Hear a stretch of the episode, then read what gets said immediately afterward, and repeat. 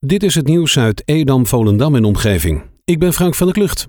FC Volendam is vrijgesteld voor het spelen van de tweede ronde van de Toto KNVB-beker. Dat wees de loting van afgelopen zaterdag uit.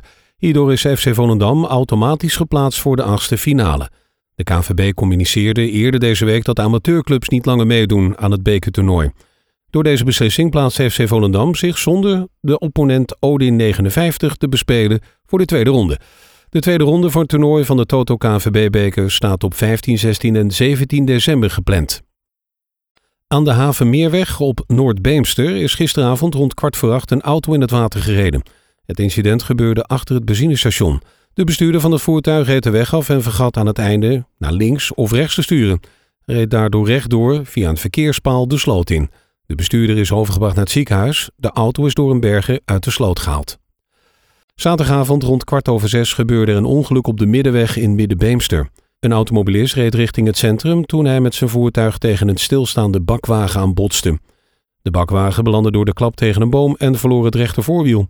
De personenwagen is totaal los. De bestuurder werd in ambulance nagekeken, maar hoefde niet naar het ziekenhuis. Basisschool De Rietlanden op Marken kan vandaag weer gedeeltelijk open. Alle leraren moesten vorige week donderdag in quarantaine nadat veel van hen besmet waren met corona. Van het team zijn nu nog twee leraren flink ziek, maar de rest is fit genoeg om vandaag aan de slag te gaan. De twee groepen van de leraren die nog ziek zijn, moeten voorlopig nog thuis blijven. De leerlingen hebben in de tussentijd online les gekregen zoals eerder dit jaar. Ongeveer 100 bushaltes in Noord-Holland worden zo aangepast dat reizigers met een beperking er gebruik van kunnen maken.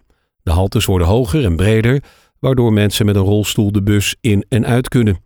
Verder komen er ribbeltegels voor blinden en slechtzienden. De provincie stelt daarvoor 2 miljoen euro beschikbaar. De meeste bushaltes langs de provinciale weg zijn al toegankelijk. Om ervoor te zorgen dat ook de bushaltes langs de lokale wegen worden aangepakt, stelt de provincie dus 2 miljoen euro subsidie beschikbaar. Het Markenmuseum, Museum de Speeltoren en de Waterlandse Muziekschool krijgen gezamenlijk een eenmalige coronacompensatie van ruim 70.000 euro. De provincie Noord-Holland draagt 65% van de compensatie bij, de gemeente Waterland 35%.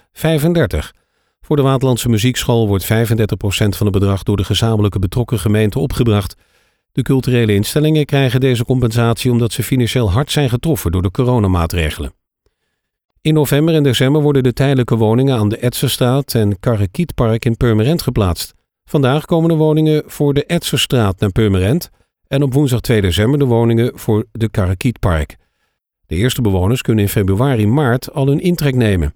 De woningen worden in delen aangevoerd met vrachtwagens. Een kraan komt op het bouwterrein te staan die de delen van de woningen van de vrachtwagen tilt en op een plek zet. Het aanvoeren van de woningen duurt een week. Omdat de publieke opinie verandert, heeft zorgkoepel De Zorgcirkel besloten dat Zwarte Piet op de ruim 30 locaties in de regio Zaanstreek, Waterland en Alkmaar vanaf dit jaar niet meer aanwezig is. Dat geldt ook voor het Sint-Nicolaashof in Volendam. Het Sinterklaascomité in Volendam laat aan NH Nieuws weten niet blij te zijn met de beslissing van de Zorgcirkel om het uiterlijk van de helper van Sinterklaas te veranderen. In plaats van Zwarte Pieten zullen er nu roetveegpieten Sinterklaas vergezellen tijdens een bezoek aan de locaties. In de nacht van 10 op 11 oktober heeft de politie een illegaal feest beëindigd in een bedrijfspand op de Julianenweg in Volendam. Daarbij werden de coronaregels overtreden.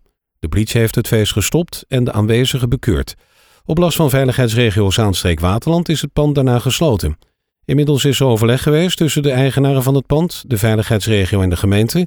De eigenaren hebben aangegeven dat ze zullen voorkomen dat hun pand opnieuw voor illegale feesten wordt gebruikt. Als de coronaregels worden nageleefd, kan het pand weer open. En als stok achter de deur is de eigenaar wel een dwangsom opgelegd van 10.000 euro. Tot zover het nieuws uit Edam, Volendam en omgeving. Meer lokaal nieuws vindt u op de Love Kabelkrant, onze website of in de app.